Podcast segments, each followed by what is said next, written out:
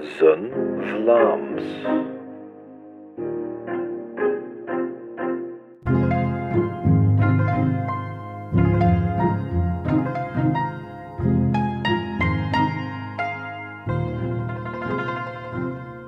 Hallo allemaal en welkom bij de zestiende aflevering van Op zijn Vlaams.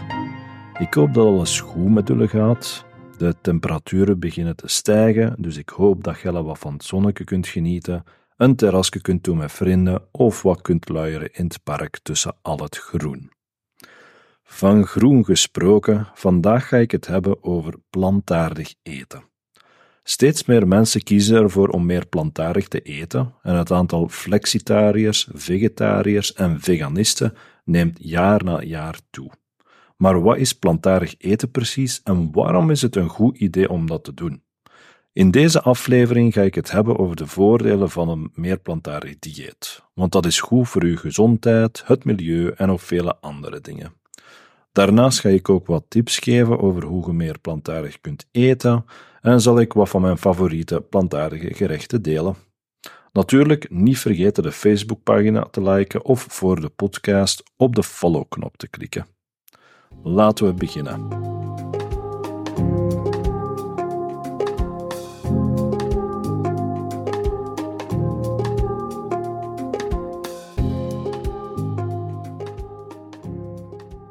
Laten we beginnen met wat plantaardig eten juist betekent. Het betekent dat de focus van uw voedingspatroon ligt op plantaardige ingrediënten, zoals fruit, groenten, noten, peulvruchten en zaden. Mensen die 100% plantaardig eten, of dat toch zo goed mogelijk proberen te doen, worden ook wel vegans of veganisten genoemd. Mensen die plantaardig eten, maar toch ook nog de producten die van dieren komen eten, zoals kaas, melk, eieren enzovoort, worden vegetariërs genoemd. Als je dan nog een stapje verder gaat, dan zijn er de mensen die over het algemeen weinig vlees eten, en die worden flexitariërs genoemd. Daar heb je dan nog onderverdelingen in. Bijvoorbeeld, er zijn mensen die geen vlees en vis eten, maar wel kip. Die worden polotariërs genoemd. Of je hebt mensen die geen vlees en kip eten, maar wel vis. Die worden pescotariërs genoemd. En dan heb je nog aan de andere kant van het spectrum de raw fooders, die het merendeel van de tijd rauwe en onbewerkte plantaardige voeding eten. Deze gewoon maar om even aan te tonen dat er toch wel redelijk wat verschillen zijn binnen al die diëten, en als je niet oplet, kun je daardoor al snel door de bomen het bos niet meer zien. Ah ja, dat spreekwoord zal ik even uitleggen. Door de bomen het bos niet meer zien, betekent dat als je te veel op de details begint te letten, dat je het geheel uit het oog verliest. In deze specifieke geval zijn al die kleine verschillen in diëten de details en meer plantaardig eten het geheel. Maar waarom zou je überhaupt meer plantaardig eten gaan eten? Daar zijn eigenlijk redelijk wat argumenten voor. Een eerste argument is voor het milieu. Dat is omdat koeien, varkens en andere dieren die we opeten veel bijdragen aan de uitstoot van broeikasgassen die klimaatsverandering teweegbrengen. De impact daarvan zit hem vooral in de teelt van de gewassen voor veevoer en het transport. Die zorgen voor de uitstoot van CO2. De koeien zelf zorgen ook voor uitstoot, want in hun maag- en darmgassen zit methaan en dat is 20 keer schadelijker dan CO2. Zo is methaan 23 keer schadelijker voor het milieu dan de CO2 die in de uitlaatgassen van de auto zitten. En wist je dat de productie van 1 kilogram rundvlees even schadelijk voor het milieu is als een autorit van 45 kilometer? En als je je afvraagt hoeveel koeien er momenteel zijn, meer dan 1 miljard. Dus ja, dat heeft wel een impact op het milieu. Daarnaast worden er ook enorm veel bossen gekapt voor de veeteelt.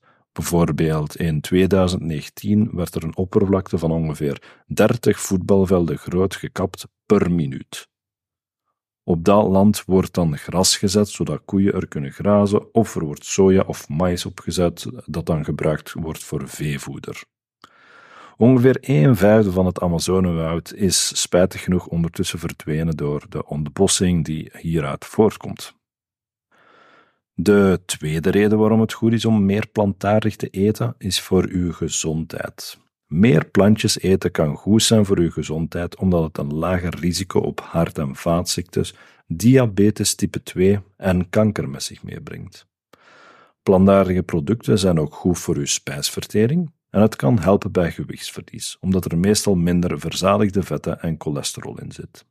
Het kan de gezondheid van uw darmen verbeteren, zodat je beter in staat bent om de voedingsstoffen uit voedsel op te nemen die uw immuunsysteem ondersteunen en ontstekingen verminderen. Vezels kunnen het cholesterolgehalte verlagen en de bloedsuikerspiegel stabiliseren. Het is wel belangrijk om te onthouden dat niet alle plantaardige voedingsmiddelen even gezond zijn.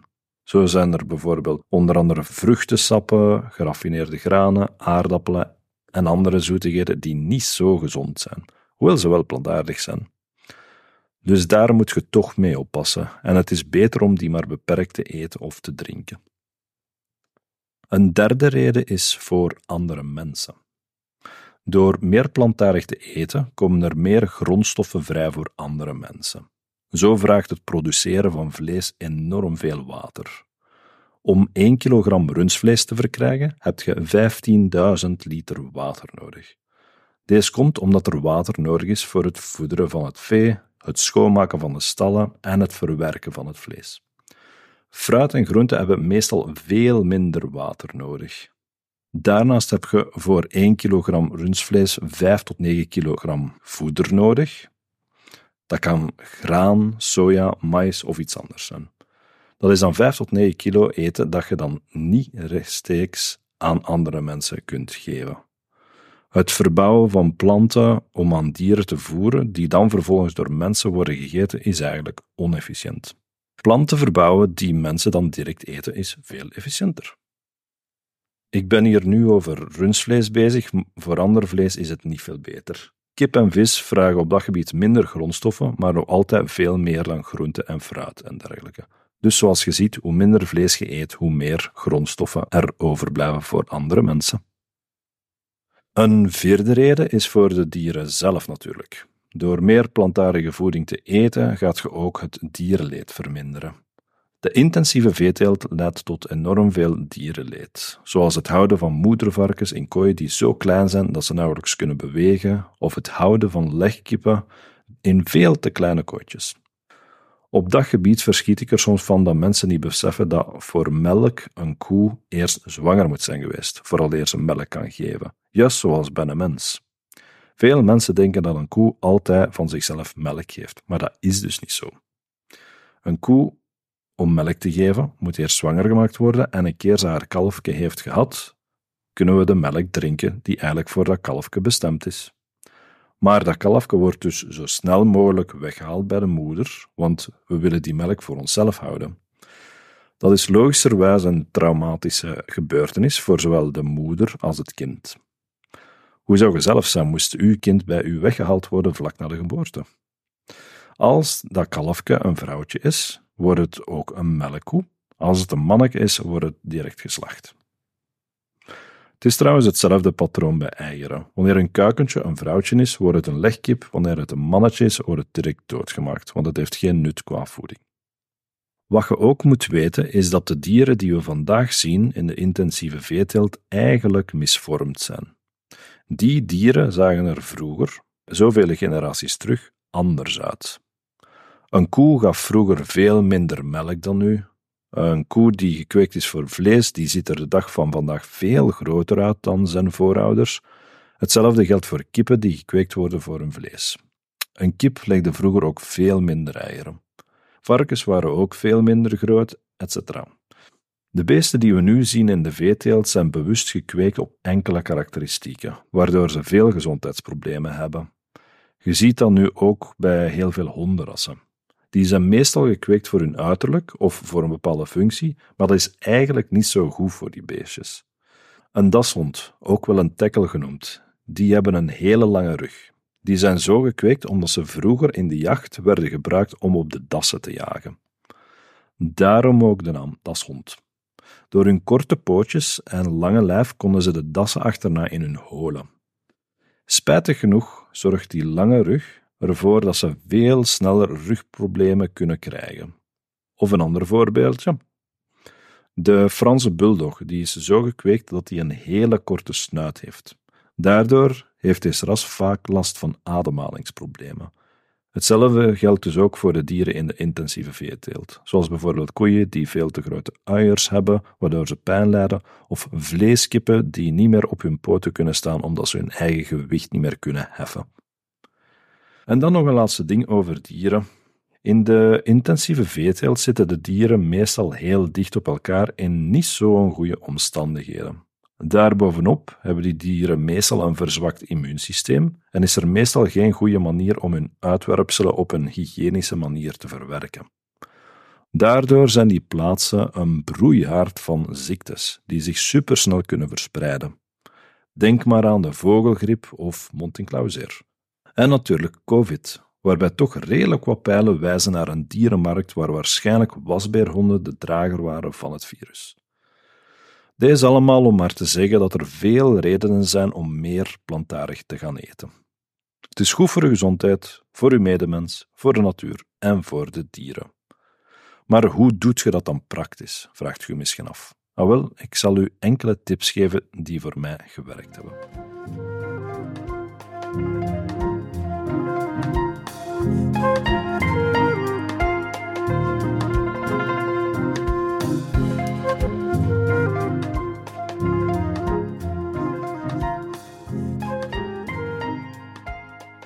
Ik ben ondertussen al meer dan 15 jaar vegetariër en ondertussen eet ik zelfs meestal vegan.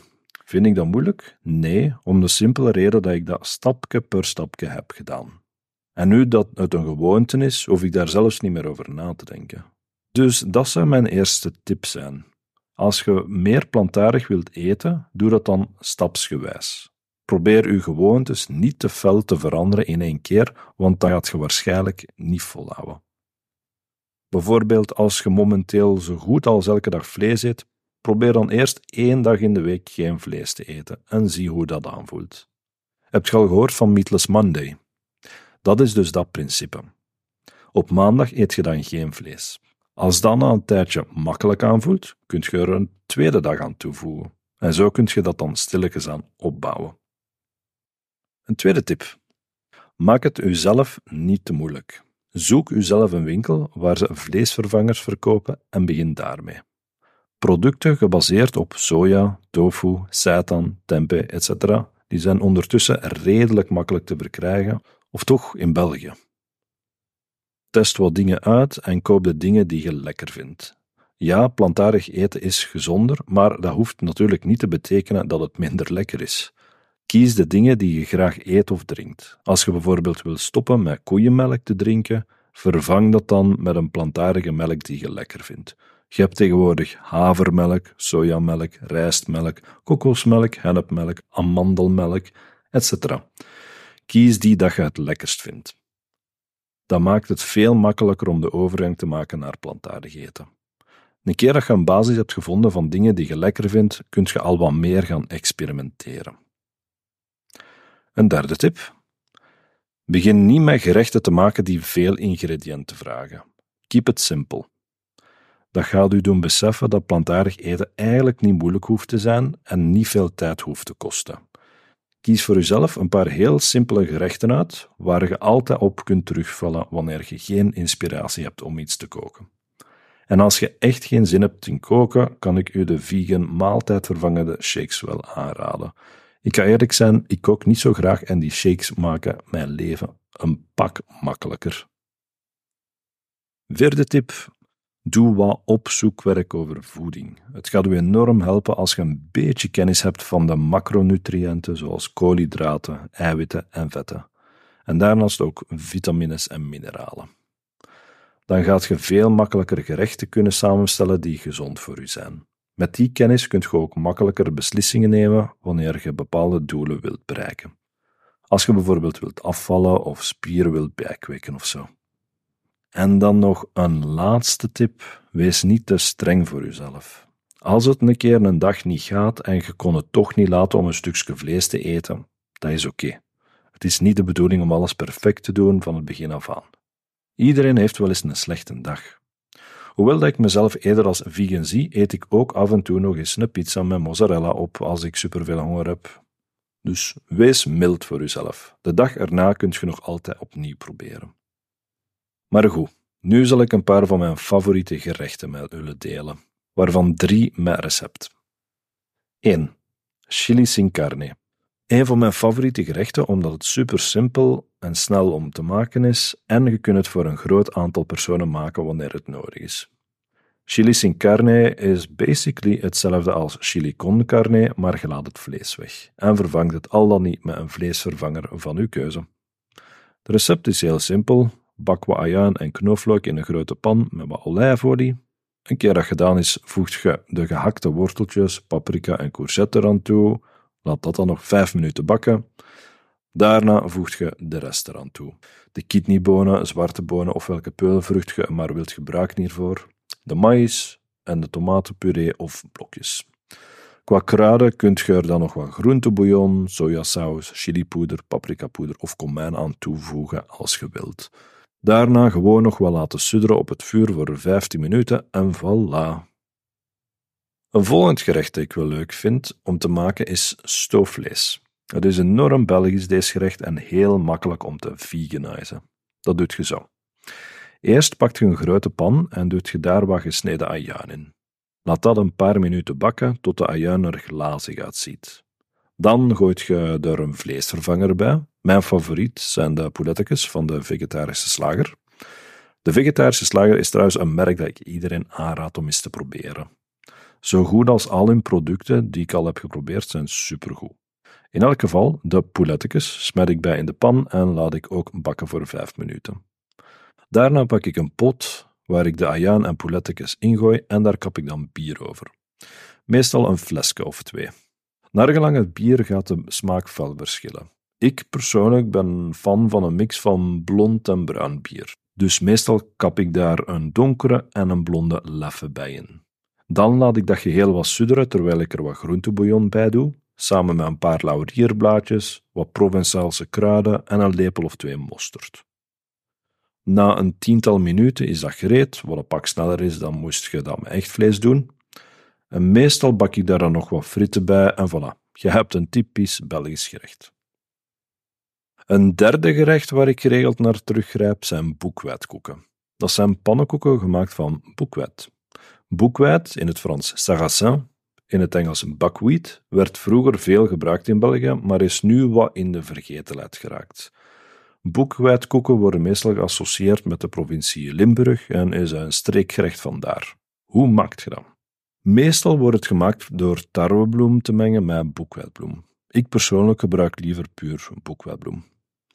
Daarna gebruik ik sojamelk en voeg ik daar wat blond bier aan toe. Jawel, wij Belgen koken graag met bier. Heel soms laat ik dat bier weg en soms als ik geen sojamelk in huis heb, laat ik dat zelfs weg en doe ik het gewoon met water. Iets heel leuks aan boekwijdmeel is dat het van zichzelf bindt. Je moet er eigenlijk niks extra aan toevoegen. Je moet dan wel een beetje meer oppassen, want dan breekt die boekwijdkoek sneller, maar ik heb dan nooit echt een probleem gevonden. Daarna warm ik een pan op met wat olijfolie, vooral zien dat die pan goed heet is, vooraleer je het boekwijd tegenin smet, dan zien dat uw boekwijdteeg niet aanbrandt en op tijd omdraaien. Een keer je er zo een paar gebakken hebt, kunt je dat dan eten met iets hartigs, zoals champignon en spinazie, of iets zoets, zoals choco of perenstroop. Nog een paar andere van mijn favoriete gerechten zijn vol of ook wel koninginnenhapje genoemd, wat ook heel typisch Belgisch is. Heel makkelijk ook te veganizen met de poudettekes van de vegetarische slager. Sushi, in plaats van zalm kunt je tofu gebruiken of gewoon komkommer, wortel, avocado en zo. Dan zijn er natuurlijk de wraps. Mensen die mij iets beter kennen weten dat ik op wraps overleef. Ik vind wraps ongelooflijk handig. Ik smet daar dan meestal wat vegan gehakt tussen, een paar soorten groenten, soms een sausje op. Ik plooi dat op en voilà. Ik heb een lekkere, gezonde maaltijd dat supersnel gereed is. En dan is er natuurlijk ook hummus. Ook makkelijk om te maken en je kunt er enorm veel variatie in brengen door er een groente of kruiden bij te smijten. Dan nog enkele weetjes waar meeste mensen verrast door zijn als ze het horen. Niet alle kaas is vegetarisch. Voor kaas te maken heb je stremsel nodig en dat wordt dan uit de lepmaag van een kalf gehaald. Er moet een kalfje sterven om kaas te produceren, dus dat is logischerwijs niet vegetarisch. Ondertussen zijn er wel plantaardige stremsels, maar die worden dus niet gebruikt bij alle kazen. Zo kun je ook van bier zeggen dat die niet allemaal vegetarisch of vegan zijn, want voor sommige bieren gebruiken ze visblazen om het bier te filteren. De originele koekjes van Oreo zijn dan weer compleet vegan. De meeste mensen denken dat daar melk en eieren in zitten, maar dat is dus niet het geval. En dan nog een laatste weetje. Wist je dat er redelijk wat bekende mensen vegetariër of veganist zijn of waren? Zo heb je Mahatma Gandhi, Abraham Lincoln, Leonardo da Vinci, Einstein in zijn laatste jaren, Edison, Tesla, Steve Jobs, etc. Toch wel redelijk wat mensen die zijn overgeschakeld op een plantaardig dieet. Ik ben destijds overgeschakeld op een vegetarisch dieet omdat ik wou dat mijn levensstijl een minder negatieve impact zou hebben op onze planeet. En ook simpelweg omdat ik het niet graag heb dat dieren lijden door mijn gedrag. Ik eet ondertussen min of meer 95% van de tijd plantaardig. Heel soms eet ik nog iets met kaas of eieren, maar dat is redelijk uitzonderlijk. Het is een kwestie van gewoonte. Op den duur denkt je daar niet meer over na. Moest je nog vragen hebben over hoe dat praktisch aan te pakken, stuur me dan gerust een mailtje en dan help ik u daar graag mee voort. Mijn mailadres is nog altijd hetzelfde: pieter.opzenvlaams.be. In alle geval, dat was het voor vandaag. Ik hoop dat jij ervan genoten hebt en dat je toch een beetje geïnspireerd bent geraakt om wat meer plantaardig te eten. Onthoud gewoon dat elke kleine verandering telt en dat je niet meteen volledig plantaardig moet eten. Begin met kleine stapjes en ontdek zo wat voor u werkt. Merci voor te luisteren. Vergeet niet op de follow-knop te drukken en tot de volgende.